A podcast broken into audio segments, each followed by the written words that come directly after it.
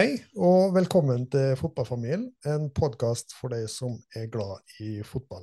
Mitt navn er Anders Solfjell Gjerseth, og med meg her ved siden av meg så har jeg Sander Gjerseth. Velkommen til deg, Sander. Jo, tusen takk for det. Eh, siste episode så hadde vi med en, fra, en litt fersk en i Molde, eh, Erik Mæland, og da fikk vi jo et eh, fint innblikk på hans tanker rundt eh, relasjonsbygning og betydninger på, av eh, relasjoner på banen, i garderoben og i, i overgangen til privatlivet, annet. Og vi er veldig takknemlige for at Eirik eh, tok seg tid til å mm, bli med på det her, og det var veldig lærerikt. og vi ble veldig inspirert av det. Det er jeg helt enig i. Og så må vi jo ydmykt få takke alle fine tilbakemeldinger både i sosiale medier og i møte med de som faktisk har hørt på den første episoden. Det er jo veldig kjekt at faktisk eh, folk gadd å høre på oss to uten gjester. Eh, og så er det kjekt å høre at det resonnerer litt hos de lytterne som gir tilbakemeldinger. Så vi er nå fortsatt litt i startfasen og leter litt både etter form og fasong, og er åpne for både konstruktive tilbakemeldinger om hva vi kan gjøre bedre, og om andre tema og gjester som vi kan ha knytta til den ramma vi har. da. Men eh, nå er vi altså her eh, samla for å spille inn episode nummer tre. Og denne gangen så er jeg spesielt spent, eh, og jeg må jo si spesielt glad, eh, fordi at jeg skal introdusere dagens gjest. Og ikke bare er han ansatt i et av Norges desidert beste fotballag de siste årene, eh, og jeg vil anta òg et av Norges beste utviklingsmiljø. Eh, men òg fordi at jeg har kjent den store deler av livet sjøl. Eh, vi har vokst opp eh, et par steinkast fra hverandre. Og har slik jeg sett en ganske lang relasjon som sådan. Så velkommen til deg, Ørjan Nygaard. Takk for det, gode, gamle nabo. Ja, det er kjekt å se deg òg, faktisk. Vi, vi, sitter nå her på Zoom. Eh, og så må jeg aller først si gratulerer. Jo, takk, takk. Du har jo eh, blitt trebarnspappa nettopp. Ja, det er et eh, hardt, hardt, liv. Må stå på, vet du. Ja, det forstår jeg. Eh, hvordan er ferdighetene i bleieskift? Det vil jeg si er ekstremt bra. Ekstremt bra? Og hvis du ja. har kontakt med samboeren, så kan hun bekrefte det? Ja, det tror jeg hun kan bekrefte. Ja, men det er bra. Hvis ikke, så lyver hun. det er bra. Det er bra. OK. Jo, eh, gratulerer eh, med det og eh, seier og avansement eh, i, i cupen. Dere er videre til, til semifinale, og dere ruller jo som bare det, som dere egentlig har gjort nå siste ja, det er vel et par år nå. Så hvordan er det det er å være Hvordan ruller det her videre? Det er det? Er kjempekjekt å være med på et tog som ruller av gårde. Gikk eh, på et ekstremt surt tap i Europa, men uh, hjemme går det litt bedre, og det er bra. Det var jo en sånn uh, klassisk uh, Glimt-oppvisning nå uh, i helga som var, vil jeg si. Det var liksom sånn ligge under og bare valse over i en omgang. Ja, du, du merker egentlig Når du er oppi det, så merker du egentlig at det skal gå veien. Selv om det ligger under 2-0, så føler du bare på spillerne, og du ser på spillerne, at til slutt så vil det gå bra. da. Jeg ser ikke at det alltid er sånn, men den dagen der så følte, hadde du en ganske god følelse på at det skulle ordne seg til slutt. da.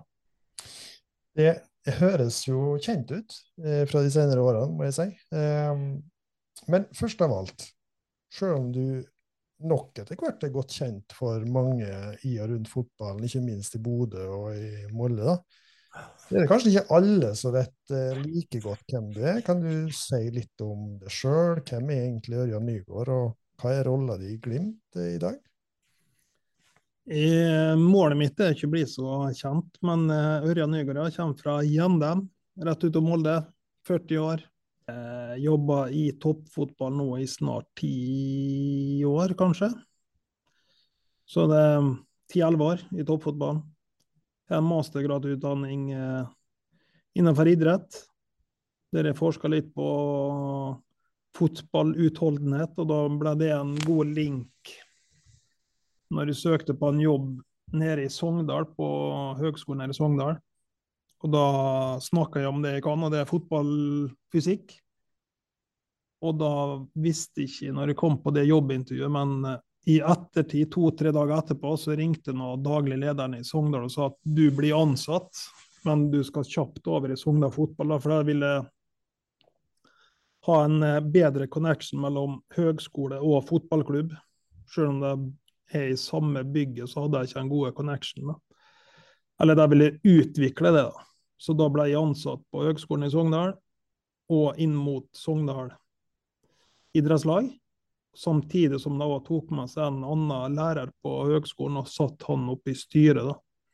Sånn at det samarbeidet skulle bli bedre. Og det samarbeidet jeg må nesten skryte for nå har jeg vært på litt sånn cupfinaleseminar. Jeg reiser litt rundt i fotballen og, og på UFA-kurs. og Da havna jeg tilfeldigvis på gruppe sammen med en som jeg var lærer for tidligere, i, Sogn, i Sogndal. Og jeg tror det er produsert sånn 15-16 eh, Kall det trenere da, i en eller annen form inn til ganske høyt nivå på fotballen. Enten i akademi eller noe sånt. Men Det er interessant med Sogndal. Nok om det. Etter det så har jeg vært i eh, Molde. Først i Bodø-Glimt, så i Molde, så tilbake i Bodø-Glimt. Så det var både med og litt skryt av Sogndal høgskole. Ja, jeg syns egentlig du snakker seg veldig godt det som egentlig skulle på vei til å være mitt neste spørsmål, hvordan du kom deg inn i, i dette treneryrket. Men jeg syns egentlig du går ganske godt inn på det på hvordan du, du kom inn i denne hverdagen. Og... Jeg kan jo snakke litt om hvordan du kom inn, i det, for det er litt annen historie. Mm, flott. Det var nå eh, student Bodø. I 2006 begynte jeg. Og da mm, var jeg fryktelig interessert i idrett. Jobba tidligere som snekker. Kom inn på Høgskolen i Bodø, som ble Universitetet i Bodø. Og da ble jeg god venn med en foreleser, eller en lærer, da.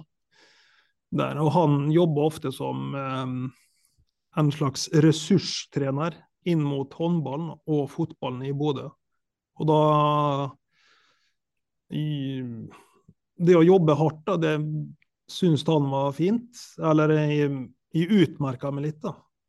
I forhold til å være flink og kunne ting, samtidig villig til å gjøre drittjobb. Så han tok med meg inn og trene gode, gamle Bodø-Glimt i 2010 på ressurstrening, da.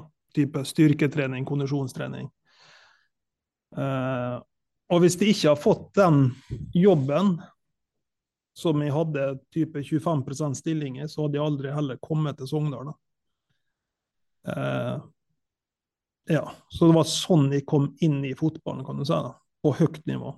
Det var i 2010, og så var det en Stein Rodal, eh, høgskolelærer, som tok meg inn i, inn i kall det ressurstreninga til Bodø-Glimt. Så det var liksom overgangen til Glimt i sin tid? Ja, det var når jeg var student i Bodø, fra 2006 til 2011. Mm. Så kom jeg inn på noe som heter for Senteret for prestasjonsutvikling. Det var kall et mini-Olympiatoppen, som var i Bodø. Som ikke finnes lenger. Men da var, gikk det gikk ut på å gi eh, fagkompetanse, om man kan si det, til lag eller idrettsutøvere som ikke hadde den kompetansen. Så, men så gikk det en stund før du kom inn i Glimt-systemet igjen, eller? Ja, og da er det noe Du får ikke jobb. Altså Den uh, høgskolejobben i Sogndal er den eneste jobben jeg har fått uten å ha kjennskap til noen. Uh, så når jeg ble ansatt i Sogndal, så var det en som heter Tom Magersnes. Han var assistenttrener. Mm. Og han ble assistenttrener til en Åsmund Bjørkan i Bodø-Glimt eh, noen år etterpå. Og da prata Tom med inn da, i trenerteamet, og Åsmund åpna døra for meg, som da var hovedtrener, sånn at jeg kunne komme inn. da. Men da hadde jeg litt kjennskap til Tom, samtidig så jeg hadde litt kjennskap fra 2010. Type Håvard Sakariassen, som var sportsmanager, eller hva han kalte seg i den tida der. Og kjente litt til Runar Berg og keepertrener Jonas Kolstad. i trente nå Runar Berg Jonas Kolstad, Håvard Sakariassen i 2010. Du hadde kjennskap til deg òg. Og det hjelper en alltid på. Okay. Så det er viktig å ha kjennskap hvis du skal komme inn i jobber. Det er vel det viktigste du kan ha. Ja, sånn er det vel på mange måter i, i de fleste bransjer, men kanskje ekstra viktig i toppfotballen. Eh, eller så må du utmerke deg kraftig, da. Og det er kanskje vanskelig. For du blir eh, Hvis du ikke er hovedtrener, så er det vanskelig å få publisitet på at du er jævla flink. Så da er det lurt å ha bekjentskap, til. Men det er nå det å gå ut og jobbe, eh, gjøre drittjobben, det er det mange ikke orker i dagens samfunn. Um, når jeg var student, eller tidligere òg, har jeg gjort ekstremt mye gratisarbeid. Før jeg fikk kontrakt med Bodø-Glimt i 2016, så jobba jeg nå i Bodø-Glimt daglig i fire måneder før jeg fikk kontrakt, før jeg fikk lønn. Men jeg gjorde det fordi at jeg ville det, men det var, du må gjøre sånne type ting da, hvis du vil inn i fotballen. Du må, gjøre, du må gå en vei, da. Det her er spennende, Ørjan, og jeg har lyst til å komme tilbake igjen til det litt senere. Jeg har bare lyst til å høre litt sånn for å fullføre reisen din der du er nå. Eh, Du har jo vært i Molde òg. Ja. Hva var det som gjorde at du havna der? Nei, det er igjen en bekjentskap og litt sånn og eh, Hovedgrunnen det var nå nummer én at vi fikk vår første unge. og Da tenkte vi at her trenger vi litt hjelp av besteforeldre. Mm. Så da gikk jeg inn og sa til Kjetil at jeg slutta sommeren 20, nei, høsten 2016. Da lå Bodø-Glimt på toppen av serien. Eh, husker jeg. Det var min siste arbeidsdag. Kristiansund borte. Når vi slo dem borte, så var vi topp of the league. Og da gikk nå det selvfølgelig ned med Bodø-Glimt etter det. Nei, da slutta jeg, og så begynte jeg på Romsdal videregående, lærer. På um, idrettsfaglinja, eller inne der, pluss eh, kroppsøvingslærer, da. Men så gikk eh, Molde og vant seriegull, og da var det vel at eh, de ville ha inn en trener til, tror jeg, i teamet, som er trener. Så de tok opp han Børre Stensli, som tidligere hadde jobba mye med det fysiske. Han var titulert som fysisk trener, men han jobba like mye som assistent i 2019, ettersom jeg har forstått det. Og så ble han fulltidsassistent, assistent, og da trengte jeg en som tok ansvar på type styrketrening og følge opp GPS og den type ting, og da kom jeg inn i bildet. da. Når jeg flyttet hjem, så det ble kort, kort opphold på Romsdal videregående, og så kom jeg inn i Molde. Den veien. Ja, så Du er litt inne med det at du, du stakk ut til, fra Glimt til Molde og sånn. og eh, Hugo Vetlesen han er jo faktisk for eh, eh, et halvt år, nei, noen måneder siden et lite poeng på en eh, podkast som heter Fotballhode, som, eh, der liksom sa det at du nå har opp på veldig mange sølvmedaljer. Og eh, det er gått litt glipp av de gullmedaljene. Er det, er det i år du tenker at eh, du skal få, en, eh, få gå, for, gå for gullet? I år blir det en god prestasjon, som jeg sier Bodø-Glimt. Typisk eh, kjedelig uh, Glimt-svar, ja. Eh, Ja. Men, men OK, du, du pirka litt borti uh, det med det fysiske ansvaret som Børre Stensted har hatt, og, og, og som MFK trengte. Hva, hva gjør egentlig en eh, trener med, med hovedfokus på det fysiologiske i en toppklubb?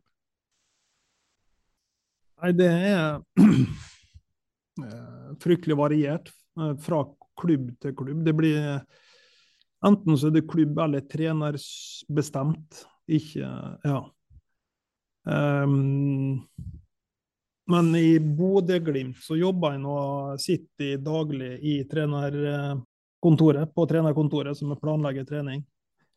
Da kan det være enkle ting som å bestemme antall spillere i en sekvens. Det kan være bestemme banestørrelse, det kan være bestemme treningstid, hvilken type dager man skal trene på. Eh, når skal man trene hardt, når skal man trene lett? Det kan være um, individuell oppfølging av spillere hvis det skal være redusert, eller det vi kaller for top-ups, litt ekstratrening. Eh, Det kan være å følge opp eh, GPS-tall, det kan være å følge opp på styrkerommet. Eller det kan være å kjøre rene fotballtreninger. Hvis laget er borte og reiser, så er du fem-seks spillere igjen som ikke er med i tropp. Så har du vanlige fotballtreninger med den, de spillerne som er igjen. Da. Så det er ganske sånn variert. Alt fra litt sånn nerdete ting til å være en vanlig fotballtrener. Da. Ok, Men det, masse, det meste av jobben er eh, Kall det en bakgrunnsjobb, da. For du er kanskje ikke den som står fram på feltet, om det var forståelig. Ja, altså, det, det første jeg tenker, er jo at du høres ut som en som legger til rette for en del av de andre eh, oppgavene som resten av teamet gjør. Eh, så dere utfyller Ja. ganske mye. Ja, du er nå at Altså, det er kanskje mange sofatrenere, som jeg kaller det, som tror at en HV-trener gjør all jobben. Mm. Men det stemmer nå ikke. Du er nå inne på vårt eh, trenerrom, så er du én, to, tre, fire, fem, seks trenere som sitter på trenerlokalene eh, og planlegger dagens økt. Og da kan det være alt fra en analysesjef som kommer med sine synspunkt, til jeg som kommer med mine synspunkt på mer eh, type mm, hardtrening, lettrening, til Kjetil som har sine eh, vi følger, og så har du type innspill fra assistenttrenere, keepertrenere og det som er. da. Så det er voldsomt stort apparat begynner å bli, og det Mm. er mange som har sine ting å si. Men eh, på min jobb er det å tilrettelegge sånn at du skal få best mulig best mulig økte da, i samarbeid med trenerteamet. Kvaliteten på økta. Ja, sånn at vi ikke trener det samme på en måte fysisk. Hvis du trener småbane, småbane, småbane, så vil du miste noe. Både fysisk, men ikke minst eh, kollektivt, altså lag. At du Mm. fikk trent på det du skal gjøre på søndagen. Så det å komme med alle mulige typer innspill kan være det. Og der jeg syns Kjetil er ekstremt flink på å bruke trenerteamet sitt, da, på å lytte på de som har sine spissferdigheter. På det ganske bra sånn komplementært trenerteam, er det det kalles, i Mm. Bodø-gruppa. Som har sine klare styrker. og så bestemmer han selvfølgelig til Kjetil til slutt.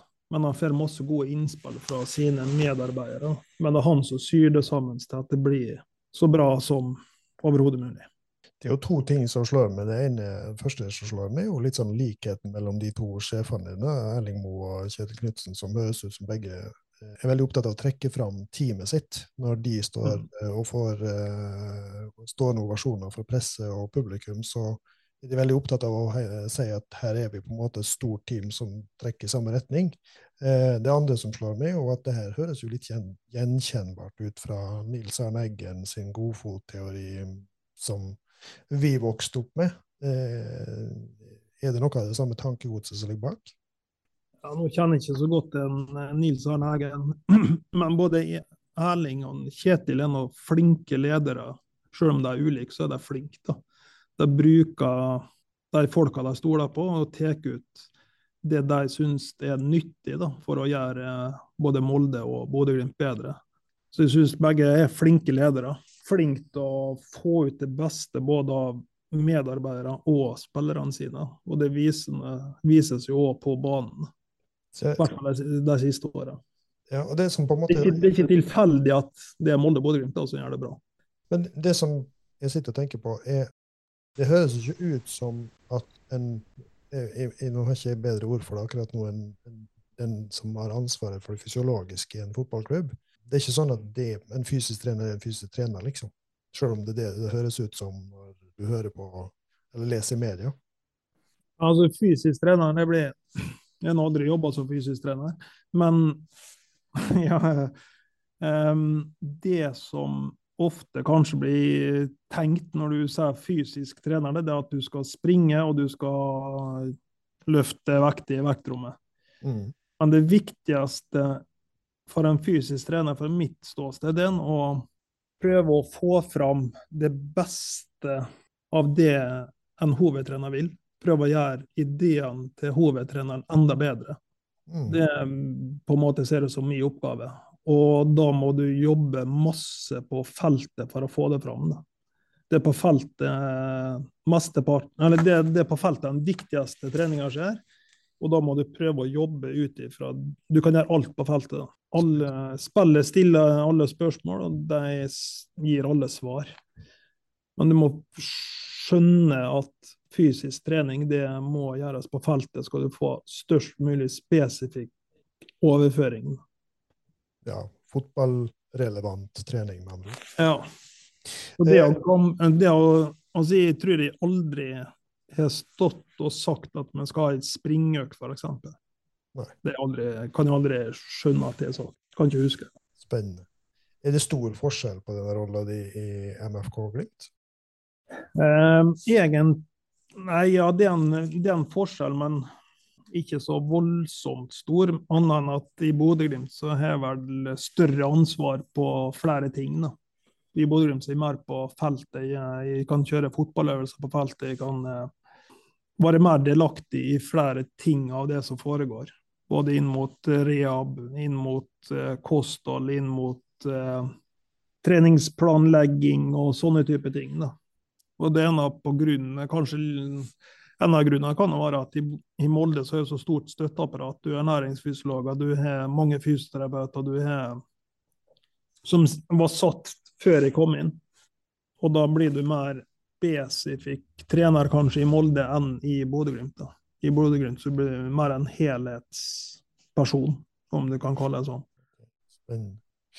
Ja, altså det er mange profiler som har nevnt ditt eh, navn. altså Du går litt sånn under lupen, vil jeg si. altså Blant annet eh, Hugo Vetlesen som sa det senest i fjor, det at du har vært en veldig avgjørende faktor for det at han presterte så bra som han gjorde i fjor. Så han hadde jo en, en helt vanvittig sesong. så er du, Hva er det som ligger bak dette?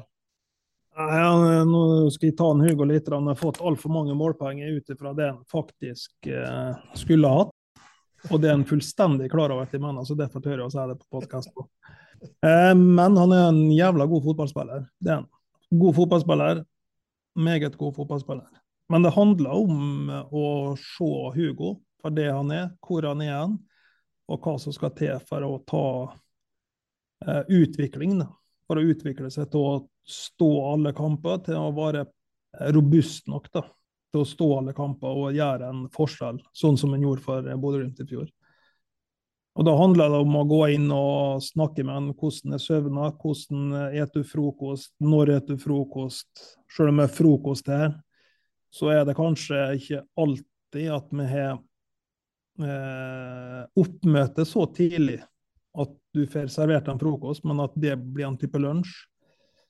Eh, og det er ofte rett etter kamp. Så da må spillerne sjøl passe på å få i seg den næringa de trenger til å være restituert. Sånn at de kan prestere igjen to dager etterpå. Eh, så hadde han styrketrening. Han, spesifikt så var det han, han ble ikke skada, men han ble litt sår i hamstringene. Så det å lage et opplegg sånn at han ikke skulle bli så sår i hamstring, det jobber vi litt med. Og da er det ofte å passe på at du får riktig kall belastning ute på banen, samtidig som at du belaster muskelen og funksjonelt i styrkerommet. Eh, og så har vi prata mye om eh, rene fotballting, det at en må være mer eh, kontrollert og avslappa på siste tredjedel, sånn som en er utvikla voldsomt de siste så siste kamp den tre assist, fin assist, f.eks. Og så er det ikke at jeg står bak det, det er alltid han som Jeg har ikke lært noe som helst, det er han som har lært seg sjøl, men så har vært samtalepartneren for han inn mot de type tingene. Du må andre ord tilrettelegge for læring? Ja, du må ta ansvar for egen utvikling, som jeg sier alltid. Og da må Så jeg kommer sjelden Eller av og til så må jeg komme med fasit, men du må stille høye krav til at hver enkelt spiller eier sin egen utvikling. Kan kanskje ikke bli så god som eller, Du kan kanskje ikke oppnå alt det du vil, men du kan i hvert fall bli så god som det kroppen din er tillaga for å bli. Da. Og da må du utnytte enhver mulighet til å bli så god som du kan bli. Da må du stille knallharde krav. Du må si ting som kanskje ikke spillerne ønsker, og så må du um, reflektere sammen med spillerne og finne at spillerne sjøl finner sine løsninger på hva som fungerer for dem.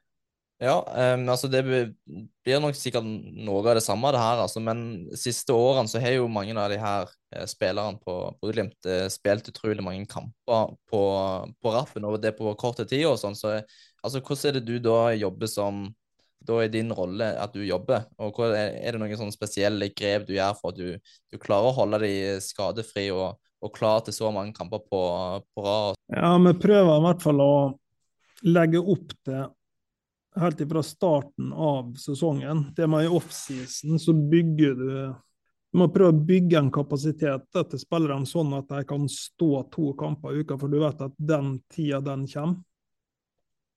Eh, noen eh, folk sa at de får treningssjokk både når de kom til Molde og i Bodø-Glimt, men det handler om intensiteten. Du er så mange gode fotballspillere. Og Jo bedre fotballspillere du er, jo raskere går det. da. Så Du gjør flere aksjoner per minutt, i Molde enn kontra f.eks.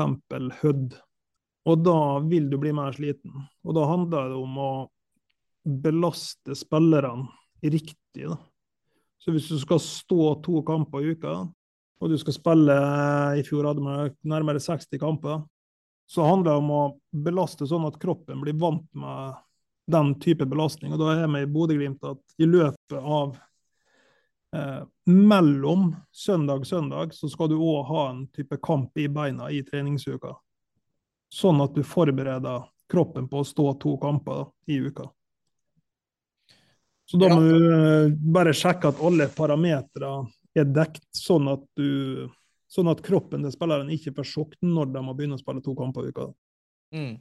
handler vel litt sånn om at uh, rundt dette og det her, si sånn Aursnes hadde jo liksom fått noe Jeg har hørt at fått litt kjeft for at uh, han hadde tatt seg inn i joggetur utenfor uh, treningstiden. Og uh, han Moberg han hadde jo blitt fått kjeft for Knutsen fordi han hadde fått han, han, hadde skrøyta av at han hadde tatt seg en fjelltur etter trening, men det var ikke så populært. og altså sånn Hvordan er det du tolker sånne tilbakemeldinger og opplever at, du, at rollen din og arbeidet blir mer anerkjent? og liksom sånn Altså, det er jo en viktig del at man, eh, i det du sier med at man må holde seg klar og fit til trening og sånn. Hva er, hva er mm. sammenhengen der? Nei, det handler om det er nå to ting. Det første er nå både Naustens han for og sprang 1000 meter, tror jeg. Det var den økta. Da, fordi at du springer Som fotballspiller så springer du aldri intervaller som du ville gjort på en 1000 meter. Mm. Eh, og hvis du da plutselig gjør det, så vil kroppen reagere på det med å bli eh, i beste fall bare litt stiv og støl. Fordi at kroppen er ikke vant med Gjør du, Tilfører kroppen en belastning som ikke er vant med, så vil kroppen reagere ofte med å bli f.eks. stiv. I verste fall så vil, kan du pådra deg skade, ikke underveis i den økta, men du har pådratt en annen type belastning som kroppen ikke er vant med, som du vil få i retur, om du kan bruke det ordet, kanskje en uke etterpå. Eh, av en eller annen form. Og samme gjelder fjellturer. Du, som fotballspiller så bør du Så går du Du er ikke trent for å gå på fjellet. Og det å gi deg en annen type belastning som kroppen ikke er vant med, og det bør du ikke gjøre, i hvert fall ikke i sesong. Fordi at du vet aldri hvordan kroppen kan reagere på det i ettertid. Ikke underveis på selve intervalløkta eller fjellturen, men i etterkant. Da kan plutselig kroppen reagere med å få en reaksjon som du ikke vil. Og så er det andre den at det er ikke spesifikt. Og hvis du vil at folk skal trene eh, individuelt, så må du trene så spesifikt som mulig. Selv om du kanskje ikke trener fotball, så må f.eks. intervalltrening eller den egentreninga være så spesifikk som mulig opp mot de roller i ditt lag. Da. Det her er utrolig interessant å høre på, Rian. Det er ganske langt ifra de fotballdiskusjonene vi ellers hører, fordi det snakkes veldig mye om liksom det med prestasjoner og, og, og um, fotballerfaring osv. Dette er jo veldig kunnskapsbasert og veldig rollespesifikt. Ja, altså du må Det finnes ekstremt mye objektive fakta i fotballverdenen. Men en av utfordringene til fotballen, syns de, det er at du gir medieplass til folk som ikke skjønner fagfeltet fotball. Og det kan være um, hvem som helst, på en måte. Men det på en måte journalister har ikke den kunnskapen om hva fotball egentlig er, så du vil aldri få eh, kunnskapen ut til folket, da, sånn at du får de virkelig gode diskusjonene. Ja, det var interessant. Jeg var jo med på en podkast i fjor. Eh, da var det, Jeg skal ikke henge ut eh, journalister, men eh, da var det jo en journalist som sa at han gadd ikke å stille sånne type spørsmål, fordi det var så lange, kjedelige, kompliserte svar, så han trodde ikke folk gadd å lese artiklene. Nei. Og der er det òg et problem, fordi at det er kanskje helt riktig, det. Du får ikke de klikka, eller de TV-tallene du kanskje vil ha, som er blitt så fryktelig populært. Det er, um, det er overskrifter, det er klikk, og det er TV-seere TV som styrer mye av butikken. Og jeg skjønner den tilnærminga der. Men for idretten så er det kanskje ofte lurt å, å utdanne folk da, til å skjønne idretten bedre. Sånn at du kan få bedre diskusjoner kanskje spesielt i type breddefotball, av folk, barnefotball, breddefotball, som ikke er så kunnskapsrik som de folka som jobber med det til daglig. For det sitter ganske mange oppegående folk i klubber og sånn det Men um, det kan kanskje være breddeklubbtrener, det kan være barnetrenere som sitter og hører på TV2 Sport, Studio eller Eurosport eller Viasat eller hva verden, og så plukker med seg ting som kanskje ikke er riktig eller en avisartikkel eh, fra en eller annen. Men hovedgrunnen tror jeg til at folk ikke vil snakke fag, det er nå fordi at da kan ikke folk ha en mening om det. Ja, riktig. Fordi at hvis du ikke skjønner faget, så kan du plutselig ikke ha en mening om det. Mens fotballpraten rundt et kaffebord, da kan du slenge ut eh, alt mulig. Ja, men det er ikke godt nok trent. Ja, men det er for lite trøkk. Det er for lite energi. Bla, bla, bla. Det er ord som ikke gir mening, egentlig. Type trøkk, innsats, eh, var ikke forberedt. Det du egentlig snakker om nå, det er ting du ikke kan måle, egentlig. Ja. Det, det er generelle ting som kan ha mange betydninger som ikke er konkret, som ikke er objektivt. Og Hvis du begynner å prate objektivt, konkret, så vil folk dette av, og da kan du plutselig ikke ha en mening om det. Og det er noe kanskje Kanskje media vet om det og ikke vil snakke om det, fordi at da mister du um, det som kanskje er sjarmen med fotball. At alle kan ha en mening? Ja, at du, du, plutselig ikke kan ha en mening. og da blir det kanskje kjedelig.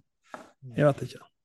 Jeg var nå for dårlig i fotball ganske tidlig, sånn at jeg ga meg jo ganske tidlig. Eh, det skal man bare være ærlig og si. Eh, trente jo til og med det når du var en liten eh, skitunge. Knekte hånda mi, gjorde du? Ja, det gjorde jeg. Skyte hardt, vet du. Men det som er hovedpoenget mitt, er at jeg hadde jo ikke peiling på hva jeg holdt på med. Jeg, jeg tok jo bare med meg øvelser jeg sjøl hadde gjort, eh, og prøvde etter beste evne. Og noe Eirik Mæland sa sist uke, var jo det at han sa at faren hans, som trente han han var liten, han gjorde så godt han kunne. Han mm. kunne jo egentlig ikke så mye. Så sier du jo på en måte det med barnefotball og breddefotball, ikke sant? Og, og det er jo mye foreldretrenere der ute som gjør så godt de kan. Mm. Eh, men det du egentlig sier, da, er at hvis vi som fotballforeldre står på sidelinja og roper vi må ha mer trykk, mer innsats, så er ikke så mye ungene egentlig skjønner det, for de trenger spesifikk veiledning. Ja, ja det er helt riktig. Det er det at spillet er av ungene sine spill. Istedenfor å gi beskjed om hva de skal gjøre, kan heller stille spørsmål. Hvordan oppfatter du den situasjonen? Hva kunne du gjort annerledes? For hvis du ikke er så trygg på at du har fasit, som, så kan du heller begynne å stille spørsmål. Og hvis du ikke har peiling, så sier han at da er det fryktelig enkelt. Hvis du trener miniputt, så sett opp eh, f.eks. to mål eller to småmål, og så spiller du tre mot tre. Og så er du bare stille, og når du ser at ungene er sliten, så stopper du, og så har du pause. Og så kan du heller få lov å, ungene få lov å snakke i lag. For ungene utpå der Og det kan gi ganske mange gode tilbakemeldinger selv om du er seks-sju år. For Mm. du er ofte i hvert fall én smart unge i, i et fotballag, og han kan få lov til å eh, Hvis du som forelder ikke skjønner så mye fotball, så kan kanskje den guttungen på seks, sju, åtte år i hvert fall si sin, sin betraktning fra det han føler ute på fotballbanen. Og så kan du som forelder kanskje stille spørsmål ja, er det noe vi kan gjøre annerledes, eller det var bra, eller Eller at du bare som foreldre gir ros når du ser noen gjør det bra. Og da kan man da bruke, hvis det er en som har god innsats, da, han prøver i hvert fall, så kan du i hvert fall skryte av det. Mm. Og du trenger ikke å begynne å type feillæring, for det ser du kanskje litt av, da. Vi skal bevege oss litt eh, videre. Litt av grunnen til at eh, du var et av de første navnene jeg hadde på lista, og de jeg vil ha med, handler jo ikke bare om relasjonen vår, men eh, det handler jo om at du de siste årene har eh, mildt sagt eh, nagla meg fast og utfordra meg ganske tøft i forhold til diskusjoner vi har hatt knytta til laga og prestasjoner osv. Og, så og når jeg kommer med litt sånn lettvinte betraktninger, som du sier, lettvinte meninger, så både prestasjoner og utvikling og kultur osv., så, videre, så har du satt meg ganske ettertrykkelig på plass og etterlyst litt sånn kunnskapsbaserte argumenter. Eh, og gjennom det da, så har jeg jo lært ganske mye òg, og jeg har jo på en måte liksom begynt å tenke litt annerledes rundt litt fastlåste eh, tankegods rundt både fotball og, og andre ting. Eh, sånn at jeg har veldig sånn, sterkt inntrykk av, selv om jeg er en amatør tilskuer, du er jo veldig sånn kunnskapsbasert eh, i din tilnærming, og at du brenner for det. Kan du fortelle hva du tenker rundt det med utvikling og læring i fotball? Eh, hva slags rolle spiller f.eks. trener og trenerapparatet, og de eh, egenskaper, ferdigheter, kompetanse? Da tenker jeg spesielt knytta til det med pedagogikk, didaktikk, eh, læringskompetanse. Ja. Um, Det er da et litt vanskelig spørsmål du stiller, Det, men Stiller du så mange vanskelige spørsmål til meg, så nå må jeg få lov å gjøre det når du er på lufta. Eh, altså det, hvis du tenker eh, trenerrolle, da, uansett eh, hvilken trener du er, så er, ligner det ganske mye på å være en lærer. Du skal formidle et budskap som noen skal oppfatte og utføre. Og da må du være flink på å vise, eller få spillerne til å forstå hva du vil.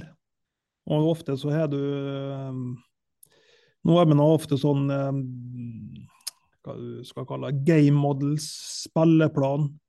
Det handler ikke ofte mer om fire M spiller 4-3-3, men det handler om hvordan du vil spille fotball. Da. Og du ser alle lag har sine tilnærminger på hvordan du skal spille fotball. Men det er i hvert fall viktig at trenerne eh, når ut med budskapet sitt og blir oppfattet, sånn at spillerne kan utøve det. Og det er fryktelig vanskelig jobb, fordi at noen lærer seg sjøl gjennom å høre, noen lærer gjennom å se, noen lærer gjennom å gjøre, som jeg sa. da. Og da må du kunne alle de type tingene der. Bruke video. Hvordan skal du bruke video? Skal du bruke det før trening, sånn at du viser spillerne hva de skal gjøre? Eller er det smartest å bruke video i etterkant og stille spørsmål? Hva gir best læring? Og det som ofte gir best læring, det er å vise det i etterkant. Sånn at jeg kan oppfatte eller oppleve situasjonene sjøl, og så vise video. Og så diskutere igjen og prøve på nytt, da, istedenfor å gi den fasit. Um, og det handler mye om kommunikasjon. Kommunikasjon er viktig, da, og derfor må du være utrolig presis i det du formidler som trener. Om du så er inn på styrkerommet eller ute på banen, eller hva det skal være, så må du bruke ord, uttrykk som er forståelig for den spilleren som du vil skal utvikle seg, for eksempel. Det her er gjenkjennbart fra min egen yrke. Eh, for der er jo litt sånn, Jeg har jo tidlig i karrieren vært veldig generell. Dess mer du kan, og dess mer erfaringer du gjør, og dess mer kompetanse du tilegner så blir du jo mer spesifikk når du jobber med folk, eh, knytta til den bestillingen de har. Ja. Og så må du være en utrolig eh, Ja. Og så du, du må kjappest mulig finne ut av hvordan den personen her lærer, da. Mm. Er det video eh, der du sitter eh, 30 personer, alle spillerne inne, eller lærer den personen her kun når han blir snakka til én til én? Eller ikke kun, men er det enklere for den personen å åpne seg opp, stille spørsmål, den type ting? Eh, jeg skjønte ikke helt hva det var du mente med det her, kan vi ta det på enerom? Sånne type ting. da. Å ha utrolig tillit til hverandre, Mm. og en trygghet. Sånn at du tør å stille spørsmål som du lurer på som spiller, eller som trener i et trenerteam f.eks. òg. Um, men det Ja. Det er kjempespennende du sier det ordet trygghet, fordi at eh, det var jo noe igjen som eh, forrige gjest, Erik Mæland, òg var veldig opptatt av. og Han sier jo at han var veldig opptatt av det med relasjoner, og det er jo litt av utgangspunktet vårt for podkasten. Hva tenker du når du hører ordet relasjoner? Hva blir du opptatt av? Vennskap. Altså, hvis du skal ha et suksessfullt lag Du kan bare tenke tilbake på Argentina. Du kan tenke tilbake på Kroatia. Du ser det i VM at det her er spillere som står sammen. Du kan tenke på Barcelona i sin storhetstid. Du kan tenke tilbake på Rosenborg eller Norge i sin storhetstid. Eller type lag, da, så er det voldsomt samhold, sier folk, men det er òg gode relasjoner innad de lagene. Og det er, trenger ikke nødvendigvis å være at de er bestevenner, men de skjønner hverandre, både på og utenfor banen, sånn at eh, det gir et godt utbytte på det de skal prestere. Eller det vises godt det de skal prestere. Ja, altså når du sier det med sånn Når du tenker på roller og det med relasjoner, sånn, hvordan det spiller, spiller seg i fotballen, og da tenker jeg sånn Ikke bare på banen, men òg i et eh, lærings- og utviklingsmiljø altså knytta til prestasjoner, eh, garderobekultur og tilbakemeldingskultur og, og livet utenfor fotballen. Så det er jo noe som spiller inn. Ja, det spiller masse inn. da. Igjen så Du må ha tillit, trygghet. Du må ha tilhørighet eh, til det som blir gjort, og så må du få den individuelle eh, tilpasninga som spiller, da, som du trenger. Hvis du klarer alle de T-ene der, som jeg kaller det, så lykkes du ofte. Og så relasjoner, det er han, relasjoner er alt. Fordi at hvis du har gode relasjoner, så kommuniserer du bedre, du tar bedre valg, og du utfører bedre valg. Og det er det det handler om i livet, som på idrettsbanen. Så I praksis så sier de at relasjoner er alfa og omega i fotball? Ja, jeg vil nok påstå det, hvis du ikke driver på på et nivå der du har ei, en fantastisk god spiller da, som kan gjøre alt for ett lag. Mm. Men det er vel sjelden vare i dagens fotball, i hvert fall toppfotball. Starta vi jo i dag med å gratulere med for, familieforøkelse. og det, har jo familie sjøl. Hvordan tenker du fotballivet på toppnivå er mulig å kombinere med familieliv? Altså, da tenker jeg både trenere, spillere og, og hele fotballapparatet. Hva er liksom plussene og minusene? Det er ganske mange minuser i et eh, familieliv å jobbe i trenerverdenen. Du klarer aldri Du har kanskje dødsfall du har lyst til å gå til som du ikke kan møte opp på pga. jobben. Du har kanskje konfirmasjoner og bursdager som du ikke kan møte opp på, og du har ofte unger som ikke ser det ofte. Så type i fjor så så jeg vel ungene mine i fire av tolv måneder, f.eks. Pga. jobben. da. Det er ganske brutalt. Ja, det er brutalt. Og jeg vet noen andre trenere som er kanskje enda mer brutale om. Men det er, det er ikke et godt familieliv, å si det sånn. Men de dagene du har fri, da, så prøver du å ta med ungene på type badeland eller på ei strand eller være med familien, og så driter du litt i leggetid, og så prøver du å kose deg. Men det er vanskelig. Mm. Det er, det er vel ikke uten grunn at det er mange skilsmisser i toppfotballen.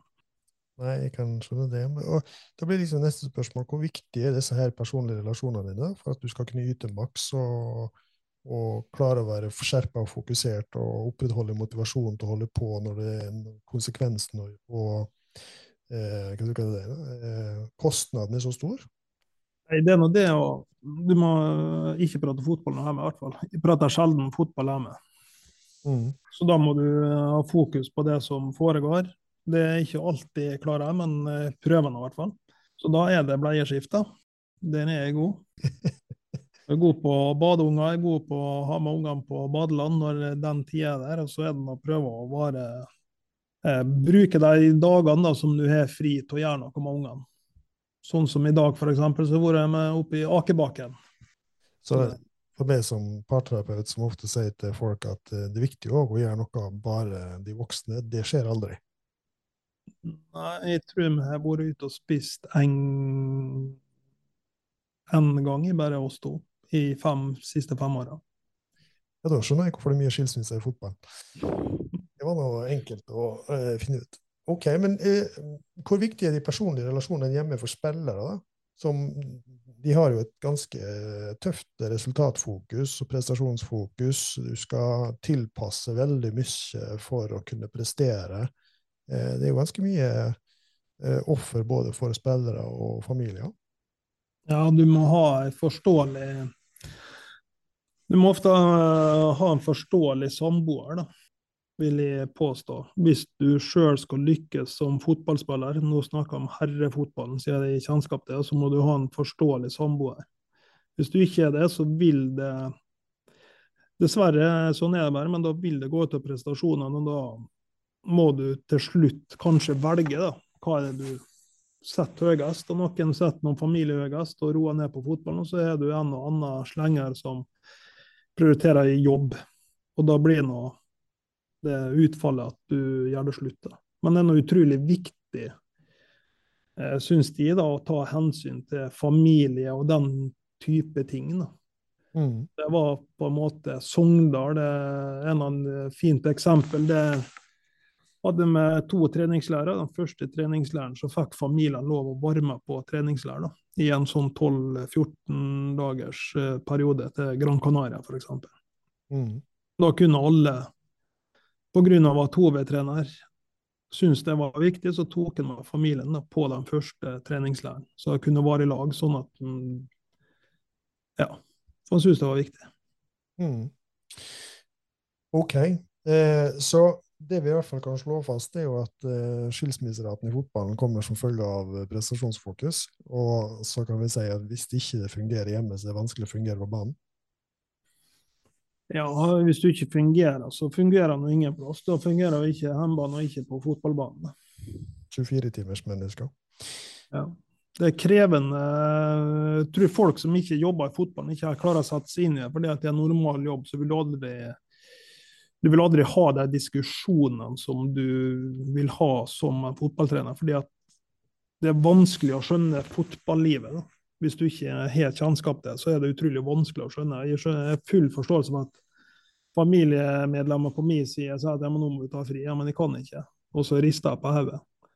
Eller motsatt. Ja, men eh, nå påske nå. Dere kan jo komme på påskeferie. Ja, men i påska så er første seriekamp. Det er serieåpning som er du må trene inntil serien starter òg. Mm. Det er mange sånne typer ting da, må, som er vanskelig å forstå for folk som ikke eh, skjønner den fotballivet. da. Jeg ser at mor og far din er supersupportere, så de har vel litt forståelse likevel?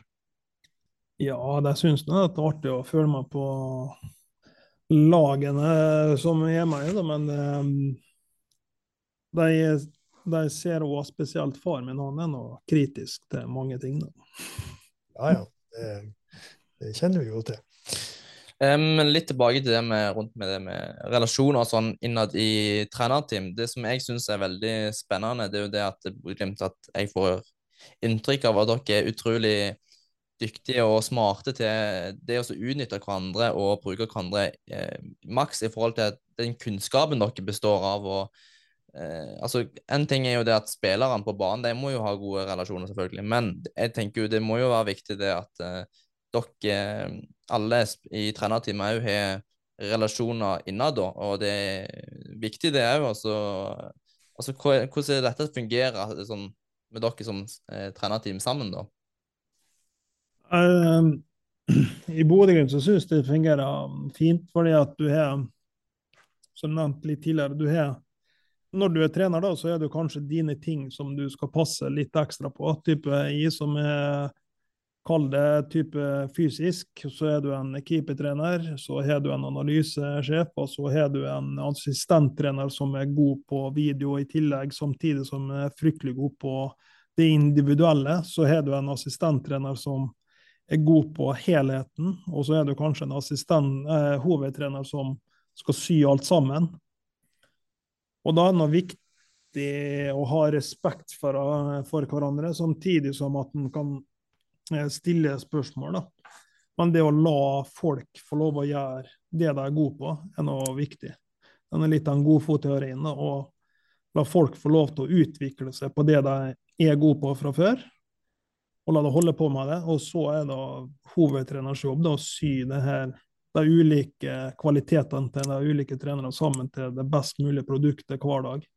Til hver treningsøkt, til hver kamp, og tema kanskje i ferie. Så det er noe, sånn sett så er noe relasjoner viktig, at du kanskje er et sånn type tverrfaglig godt samarbeid. Og så er det det um, å ha en leder som tar ut kunnskapen til den enkelte, og at det blir respektert. Det er noe viktig. Og så er det noe utrolig viktig å ha det godt sosialt i lag. Det å kunne ikke at alt er blodseriøst hele tida. Så i Bodø-Glimt føler jeg at det stilles ganske høye krav til kall det kunnskap og utførelse av den kunnskapen som det er, men samtidig så er det utrolig masse godt vennskap da, i trenerteamet. For hvis du ikke har gode vennskap eller gode relasjoner, at du ikke kan ha en god dialog da, innad i trenerteamet, så blir det vanskelig.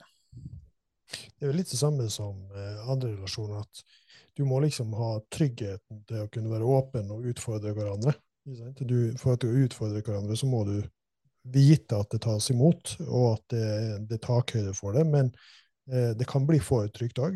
Eh, sånn at vennskap er vel kanskje det som for meg sementere det med trygghet, mens eh, utvikling og, og, det å drives framover handler mer om det å tørre å utfordre hverandre. Stemmer det? Ja, altså Hvis du er tillit og trygghet, og at du har en tilhørelse, som du da burde ha i et trenerteam, så det er ingen problem å stille kritiske spørsmål. Fordi at du vet at det her er bare gjort i beste mening. Og da er du liksom ikke Da tenker du ikke på din posisjon, du er ikke redd for å miste jobben, du er ikke redd for å bli tatt vekk fra noe, men det er bare hvordan kan vi gjøre det bedre. Mm. Og det å se det å ikke motta spørsmål som personlig kritikk, men det, det er et spørsmål for utvikling. Mm. Og det å skjønne de forskjellene. Du kan fortsatt ha 100% tillit, og du kan føle deg trygg, selv om du blir stilt spørsmål til. Mm. Men eh, Nå snakker vi mye om det med mestring og trygghet eh, i roller i et kollektiv og i et team. Litt sånn motivasjon og sult. Ser du noen tegn til at motivasjon, når et lag har prestert så godt i flere år, eh, at motivasjon er noe som blir utfordring for noen spillere? Nei, ikke motivasjon. Det er korte svaret. Men du kan kanskje glemme av hva som gjorde at du faktisk lykkes. Så Kjetil sier det Han har sagt det ofte, han sier det ganske bra. Hvis du skjønner hva han sier, da, det er at du må skjønne hvorfor du er god. Du må skjønne hvorfor du er blitt god. Mm. Men, hvis, du, hvis, du, forstår det budskapet, så Det handler ikke om motivasjon, men det handler om at du må forstå at du må legge ned en jobb da, hver dag.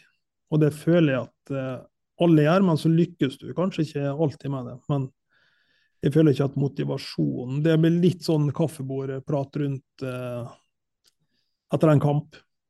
Jeg tenker litt i forhold til indre og ytre motivasjon, f.eks. De spillerne som blir best, ja. styres jo ofte av det der indre ønsket om å bli best. Eh, mm. Og de blir gode nesten sånn på tross av mer enn på grunn av. Eh, ja. Og så vil det jo være eh, Fotballkarriere er jo ganske kort. Eh, og er du veldig god og er en del av et kollektiv som presterer ganske godt, så vil du jo kanskje etter hvert ha et ønske om å ta det neste steget og, og gjerne proffspill og, og, hvis du på tampen av karrieren og ikke sant, sikrer det økonomisk osv., det er jo kanskje litt mer sånn ytre motivasjon òg. Ja. Hva tenker du rundt det med norske spillere versus eh, spillere utenfra fra andre land? Er norske spillere litt sånn ekstra privilegerte og, og, med tanke på den norske velferden skal jeg si, og, og, og, oljepenger, eller er de like motiverte og har den samme sulten som eh, folk som kommer fra andre land? Ja, men i hvert fall privilegert. Det skal man alle skjønne. Men eh, jeg tror, jeg tror ikke at det er noen store forskjeller på det. Du kan òg finne et eksempel på jeg skal ikke nevne men det er et eksempel på folk som har klart å komme til en klubb i Norge som på en måte var målet, da, da du lykkes. Og at du da på en måte er, er kommet dit du vil, og så er du glemt av egentlig hvorfor du kom dit. Men så begynner du å tenke deg litt i de banene som du sier, det er penger, og da har du på en måte lykkes. da. Mm. Det er jo sånn at, som jeg refererte flere ganger, vi har hatt noen diskusjoner, du har jo kjefta på meg mye fordi jeg har for mye tilskuerbriller. Eh, mange som sitter på tribuner, ikke sant. Vi, når, det går litt trått, eh, kampbildene er litt trå, eller eh, spillere og lag har litt dårlige dager, så, så blir vi jo veldig opptatt av eh, spillere som går foran i krigen og blør for drakta. Det er jo så sånn omtrentlige begrepene som vi snakker om. Men kroppsspråk og energinivå er jo viktige faktorer som spiller liksom hvordan vi oppfatter folk. sant? Hva tenker du det kan handle om da, når en spiller en dag f.eks. har en tilsynelatende svak prestasjon, og de på tribunen ser ut som at han rett og slett ikke gidder, og at holdningene er noe gærent. Jeg vet nemlig at du har en del tanker rundt dette, og at det ikke nødvendigvis er et eksakt bilde, det der med at de ikke orker. Hvis det ikke resultatet er 5-0, så har jeg nesten aldri sett en fotballspiller som ikke har lyst til å gjøre det bra. da. Jeg kan aldri se for meg at jeg setter en spiller som ikke har lyst til å gjøre det bra før en kamp heller. Men så er det ofte mm, det er noen situasjoner da, som gjør at du ikke lykkes, hva enn det skal være. Det kan være det kan være ting som har skjedd på privaten, det kan være ting som skjer underveis i kamp. Hvis vi snakker kun kamp, så kan det være at motstanderen har lagt en taktikk. Sånn som i fjor, eh, så møtte han og var ikke Bodø-Glimt helt forberedt på at så å si alle lag la seg innenfor sin egen 16 meter og spilte 5-4-1 eller 5-3-2. Og det er utrolig vanskelig å bryte ned et lavtliggende 5-4-1 eller 5-3-2-lag. Og da kan det kanskje være at folk begynner å si ja, men det er ikke innsats, det er ikke trøkk, det er ikke nok vilje og bla, bla, bla. Men det er bare sånn Da har motstanderlaget lagt en kampplan som er så vanskelig å få til, og så er du kanskje ikke øvd godt nok på det, sånn at spillerne har en gjenkjennelse i situasjonene ute på banen. og Da vet du liksom ikke helt hva du skal hvordan du skal kommunisere, hvordan valg skal ut av, hvordan skal du utføre seg valgene. fordi at det ikke er helt gjenkjennbart for spillerne ute på banen. og Da blir det kanskje feilpasning, det blir feiltolkning av signal eh, spillerne imellom. Og så er ikke de vanlige rommene som jeg kaller det, ute på banen til stede som det var tidligere år, eller på trening, eller den type ting. Da. Så det handler mye mer om at eh, kommunikasjon eller relasjoner mellom spillerne ikke sitter, fordi at f.eks. motspillet er ikke sånn som de trodde. Og da går det litt i stå for spillerne. Og da kan det se ut eh, ja, sånn som du beskriver, at det ikke er innsats eller trøkk eller hva det er, og så blir det rot ute på banen.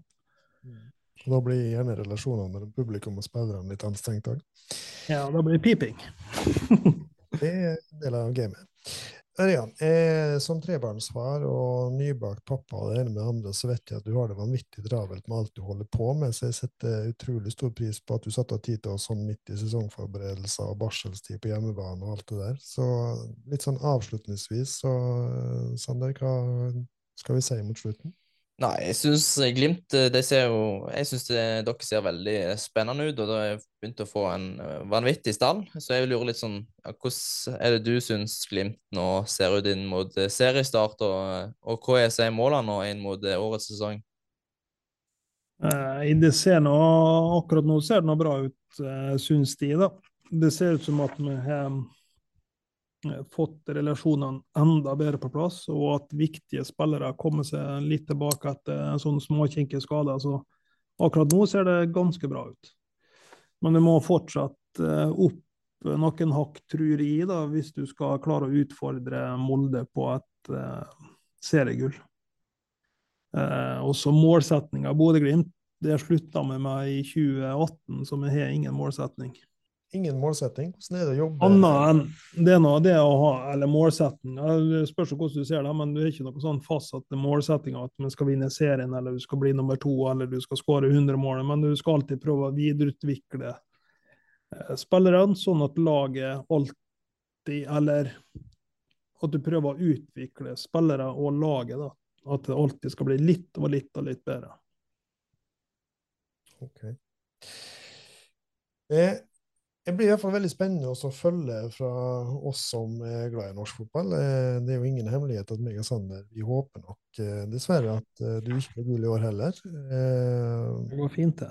men, jeg håper, men, men jeg håper du får sølv. Jeg skal jo innrømme at vi når ikke Molly spiller, så syns jeg det er fole stas å se Glimt klå store lag i Europa, så det må jeg nå få lov å si.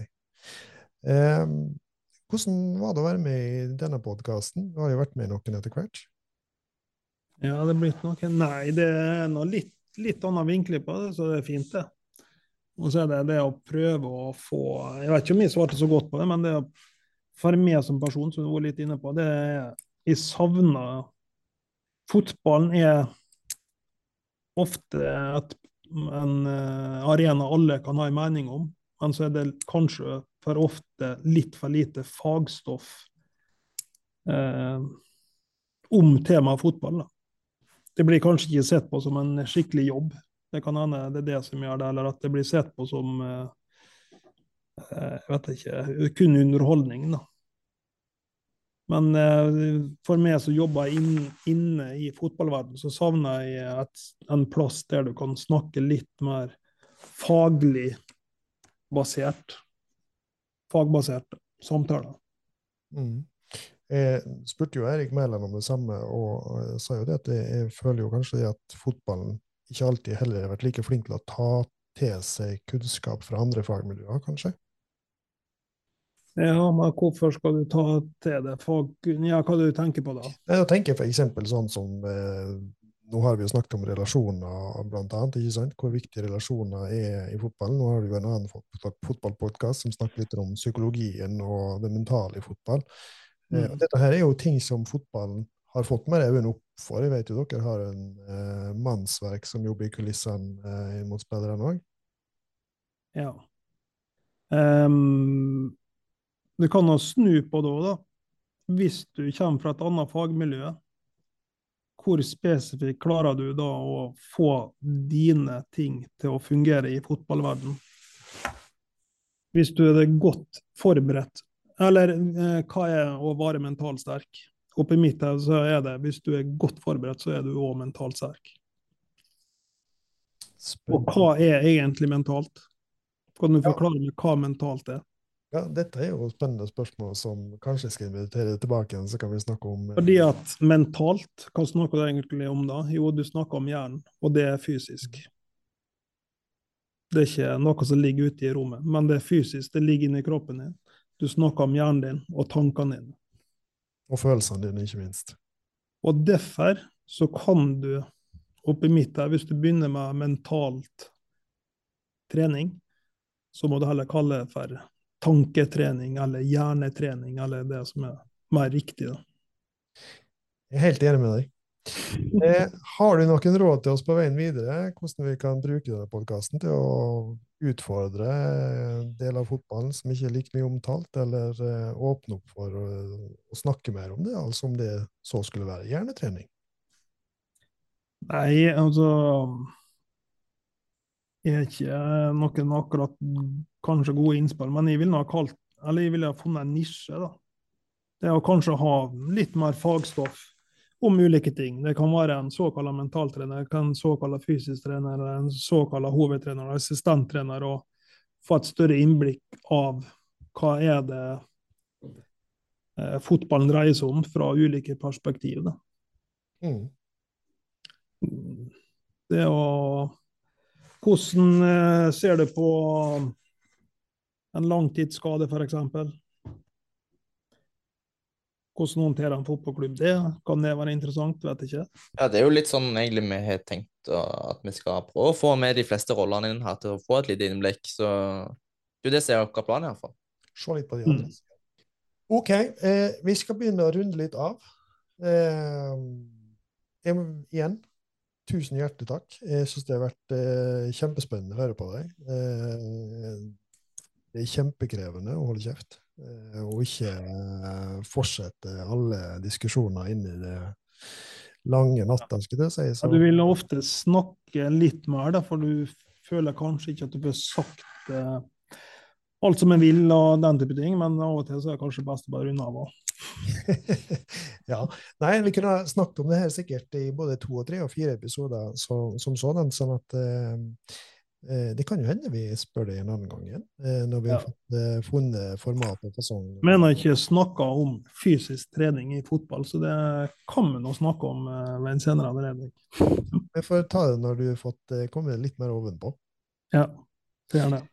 Det tar meg på ordet på. Jeg sier tusen takk for meg, eh, Det er gjør og ha en fortsatt eh, strålende kveld. Lykke til med sesongen. Takk for det. Ha det bra. Ha det bra.